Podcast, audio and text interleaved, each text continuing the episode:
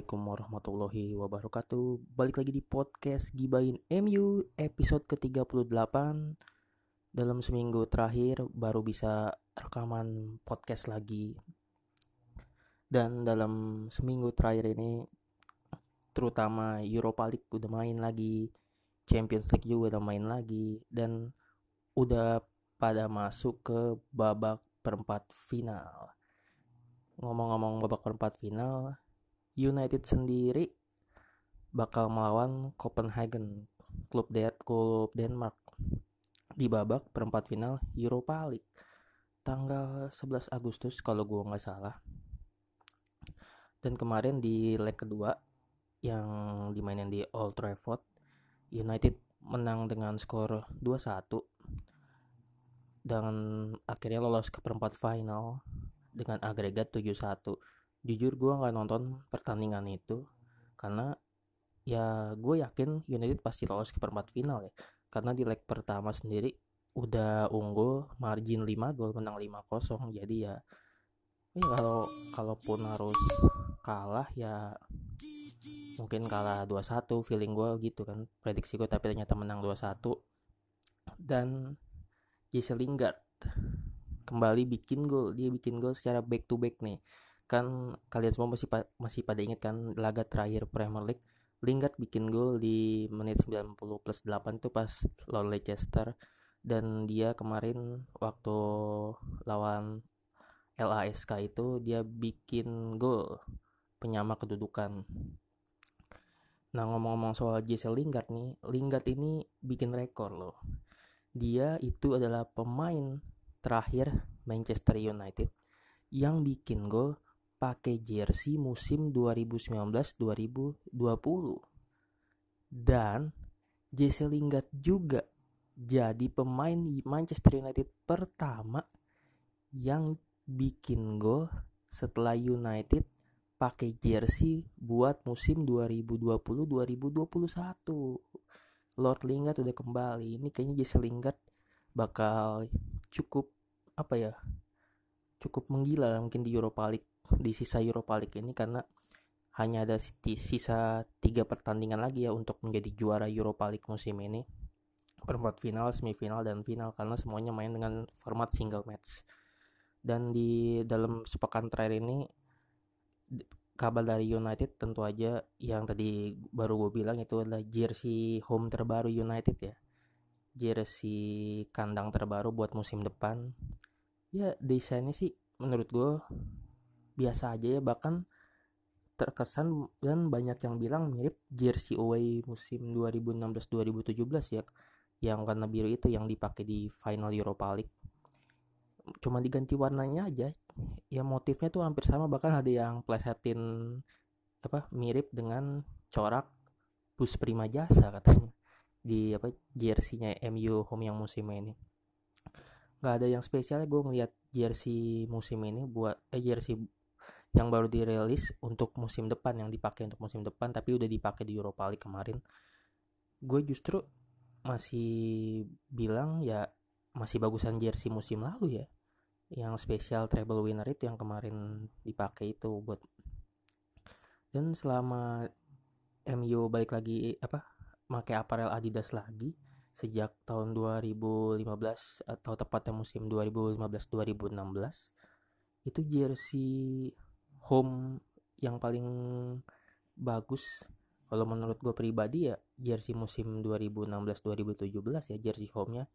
Ya sampai sekarang menurut gue itu yang paling menarik buat lihat.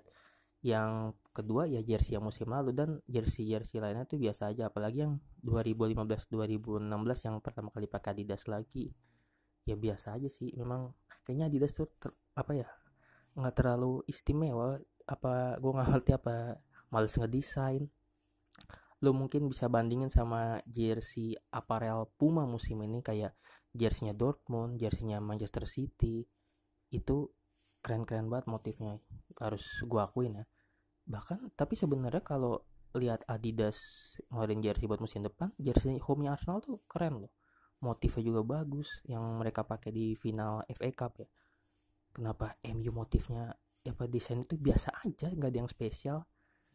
Dan kemarin pas Europa League gue lihat cuplikan peta, apa, pertandingannya tuh jersey kiper Sergio Romero warna kuning ya. Kuning dengan ada strip birunya di leher. Dan garis garis tiga Adidas garis tiga itu yang Adidas itu warna biru juga kalau nggak salah. Ya jersey kuningnya cukup bagus lah buat kiper. Dan gue apa gue juga nggak tahu ya itu jersey kiper buat home atau away. Karena yang di selama ini yang gue lihat di bocoran sebelum jersey diresmiin itu ada jersey warna jersey kiper ya warna hitam apa ya berbalut orange gitulah. Motif corak oranye gitu. Dan banyak yang bilang itu adalah jersey ormas katanya. Jersey kiper rasa ormas. Tapi gue belum lihat United ngeresmin itu ya. Apa gue kurang update gue juga nggak tahu yang jelas ya itu dia. Terus ini nih yang menarik loh selama satu minggu terakhir ini sepekan terakhir ini banyak apa ya pemain nomor 7 Manchester United yang ambil bagian dalam seminggu terakhir ini di jagat sepak bola. Ya kita ngomongin dari United sendiri ya Alex Sanchez. Akhirnya resmi dilepas United secara gratis ke Inter Milan ya. Setelah ya selama satu musim terakhir kemarin dipinjemin ke Inter tapi MU MU masih menanggung gajinya selama dipinjemin. Jadi daripada menanggung beban pemain yang nggak punya kontribusi ya lebih baik dilepas secara gratis saja toh kalau gue nggak salah ya memang Sanchez itu dap United dapat Sanchez secara gratis ya. Karena barter sama Henrik Mkhitaryan tuh tahun Januari 2018 bursa transfer musim dingin jadi ya mungkin United rugi di gajinya aja karena Alexis Sanchez selama di United kontribusinya ya ya jauh dari ekspektasi lah. Apalagi dia pakai nomor 7 yang tentunya pokoknya pemain yang pakai jersey nomor 7 di United pasti akan dikasih ekspektasi yang tinggi. Dan uh, jersey nomor 7 kosong. Dan rumornya ya nomor itu bakal dipakai Jadon Sancho kalau dia resmi berseragam Manchester United.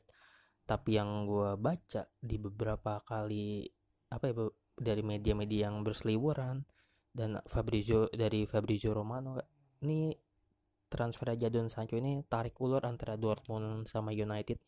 Gue juga nggak begitu paham gimana kondisi di sana. Sempat ada yang bilang Jadon Sancho itu harganya 80 juta pounds tapi tiba-tiba Dortmund minta lebih di atas 100 dan kabarnya juga Sancho sama United udah punya apa ya kesepakatan kontrak secara personal ya secara personal terms. Tapi pihak Dortmund sama pihak United ini belum sepakat soal harga. Menurut gue ya kalau misalnya Jadon Sancho ke United nih resmi ya jangan kasih nomor 7 lah. Kasih ada nomor lowong itu nomor 11 di unit itu masih kosong setelah dilepas sama Anthony Martial. Setelah udah nggak dipakai sama Martial lagi ya Sancho kayaknya sih nomor 11 aja lah. Kan bagus sih Martial Martial 9 Rashford 10 Sancho 11 kalau dikasih nomor 7 yang gue takutin ya kayak yang udah-udah ya. Lo lihat sendiri kan gimana angle di Maria Memphis Depay dan terakhir Alexis Sanchez itu ya jauh dari ekspektasi kita lah. Benar-benar penampilannya bisa bilang flop ya. Kecuali mungkin di Maria dia bikin asis asis cukup banyak di musim 2014-2015 cuma satu musim aja kan.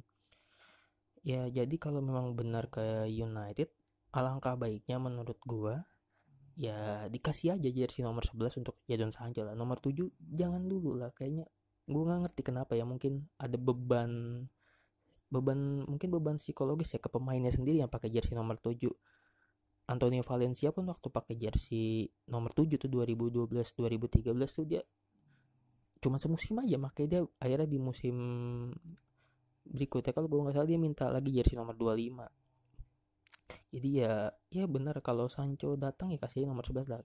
Gue takut kalau ini dia jadi flop ya kalau pakai jersey nomor 7 kayak yang udah-udah lo lo pasti pada ngeliat kayak gimana Memphis Depay sama Alexis Sanchez. Nah lalu selama sepekan terakhir ini kita apa ya gue mau out of topic dari United tapi masih berbeda apa ya masih ada di lingkup Unitednya juga. Yaitu ada duel antara mantan pemain Manchester United yang sama-sama pernah mengenakan nomor punggung 7 di United yaitu pas Juventus lawan Lyon di Allianz Allianz Allianz Stadium ya Stadion Juventus namanya. Itu leg kedua Liga Champions. Itu duel Ronaldo sama Memphis Depay. Itu Memphis Depay bikin gol lewat titik putih. Itu di chip bolanya sama dia lalu si Ronaldo bikin dua gol di laga itu. Dan Juve menang 2-1 lawan Lyon tapi Juve nggak lolos karena di leg pertama si Lyonnya menang 1-0 otomatis Lyon lolos ke babak perempat final dengan agresivitas gol tandang. Tapi ya gue pun baru sadar ya ketika oh ternyata Juve lolos ini ada Ronaldo sama Memphis Depay dua pemain mantan dua dua mantan pemain United yang sama-sama pernah pakai jersey nomor 7 selama apa mengabdi di Old Trafford. Ya cukup menarik selama sepekan terakhir ini. Kalau dari dan di Liga Eropa sendiri undian perempat final kan memang udah dirancangnya bagannya dan kalau United menang lawan Copenhagen United bakal bertemu pemenang antara Wolves atau Sevilla. Ini Wolves kalau bisa apa ngalahin Sevilla bakal menjadi apa ya, Premier League ini ya duel Premier League di semifinal. Tapi jangan lupa Sevilla sendiri adalah penguasa Liga Eropa mereka adalah pemegang trofi terbanyak Europa League. Dan bahkan pernah juara tiga musim beruntun tapi saat itu masih dipegang sama Unai Emery. Gue sendiri nggak tahu kekuatan Sevilla kayak gimana. Yang yang jarang nonton Liga Spanyol juga. Terus dari Liga Champions juga ada Atalanta yang satu-satunya klub dari Liga Italia yang lolos ke perempat final. Ini skenario skenario yang diharapkan fans sepak bola netral ya pokoknya yang pengen pure nonton sepak bola itu ya pengen juara Liga Champions itu Atalanta dan juara Liga Eropanya Wolves Wolverhampton Wanderers Wolves. Ya kalau beneran kejadian itu wah benar-benar gokil juga ya juara Liga Champions Atalanta juara Liga Eropa-nya Wolves. Ya tapi gue pribadi berharap ya Manchester United ya bisa apa menjadi juara Europa League musim ini sekaligus trofi perdana buat Ole Gunnar Solskjaer dan sekaligus bisa menambah kepercayaan dirinya buat musim depan dan kepercayaan diri mental pemain-pemain United. Dan yang gue lihat di Twitter pemain-pemain United sendiri udah sampai di Jerman mendarat di Jerman untuk persiapan laga perempat final Europa League lawan Copenhagen. Itu gue kalau gue nggak salah main tanggal 11 Agustus. Berarti berarti tanggal 12 Agustus ya dini hari. Paling jam 2 setahu gue mah disiarin di SCTV lu bisa juga streaming mungkin secara ilegal tuh banyak banget di Twitter kalau lo lihat. Terus ada juga bisa di video.com itu beli paketnya secara premium kalau gue nggak salah. Lo bisa menyaksikan Europa League. Ya itulah aja apa ya selama satu pekan terakhir berita-berita dari Manchester United ya yang bisa gue rangkum ya. Nggak banyak memang karena yang paling rame ya soal Jadon Sancho aja yang masih tarik ulur. Nggak banyak yang bisa dibahas. Dan satu lagi gue lupa kalau Chris Smalling akhirnya balik lagi ke United. Setelah AS Roma nggak mau nggak beli dia secara permanen. Padahal kabar si Chris Smalling sendiri udah betah di AS Roma. Dan dia pengen melanjutkan karir di Roma tapi Romanya nggak mau dan United sama Roma nggak mencapai kesepakatan ya udah kira kayaknya Chris Smalling bakal balik ke United. Dan kayaknya Ole juga masih membutuhkan Smalling melihat lini belakang United yang masih perlu ditambal ya. Meskipun kemarin akhirnya pas lawan LASK Eric Bailey bisa apa main lagi selama full 90 menit itu pertama kalinya gue juga lupa kapan terakhir Eric Bailey main full selama 90 menit. Dan akhirnya pas lawan LASK kemarin dia bisa main. Ya jadi Chris Smalling akhirnya kembalilah ke United. Dan gue nggak tahu itu Phil Jones pun gak ada kabarnya dia bakal ke mana. Memang gosip United apa yang ngejual pemain maksudnya pemain yang keluar tuh masih ada aja kecuali pemain muda ya kayak Angel Gomez Angel Gomez Angel Gomez gue nggak tahu tuh nyebut kayak gimana takut salah. Dia pindah ke Lille kalau gue nggak salah. Tapi gue lihat dia pakai seragamnya Boa Vista gue juga nggak ngerti itu ya Engel Gomez yang gue inget dia pernah pernah debut lah sama tim senior. Ber beberapa kali pernah main di Premier League pakai nomor 47 itulah segitu aja dari gue selama sepekan terakhir ini berita yang bisa gue rangkum dari United next lawan Copenhagen ya single match. Pengen sih gue nonton. Mudah-mudahan lah kebangun. Masang alarm mudah-mudahan dengar ya bisa lihat United main lagi lah. Mudah-mudahan lolos ke semifinal. Kalau gue berharap ya ketemunya Wolves saja sih. Kayaknya seru kalau Premier League di semifinal. Dan final idamannya tentu aja Inter Milan lawan Manchester United. Dan lu bisa bayangin kalau final idaman itu beneran kejadian Inter Milan lawan Manchester United dan gimana kalau Ashley Young Alexis Sanchez sama Romelu Lukaku bikin gol ke gawang Sergio Romero di partai final. Nah, itu yang banyak diyakini fans Inter Milan.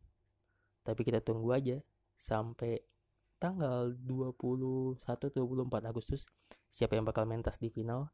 Tapi seru juga kalau ketemu Inter Milan karena di sana ada Sanchez, ada Lukaku, bahkan ada Ashley Young, kapten kesayangan kita semua yang penampilan dari Inter cukup impresif ya karena memang standarnya ya udah segitu aja lah. Udah dari gue gitu aja. Gue pamit. Thank you udah ngedengerin di podcast GBNMU episode ke-38 ini. Gue pamit. Wassalamualaikum warahmatullahi wabarakatuh. Glory glory man united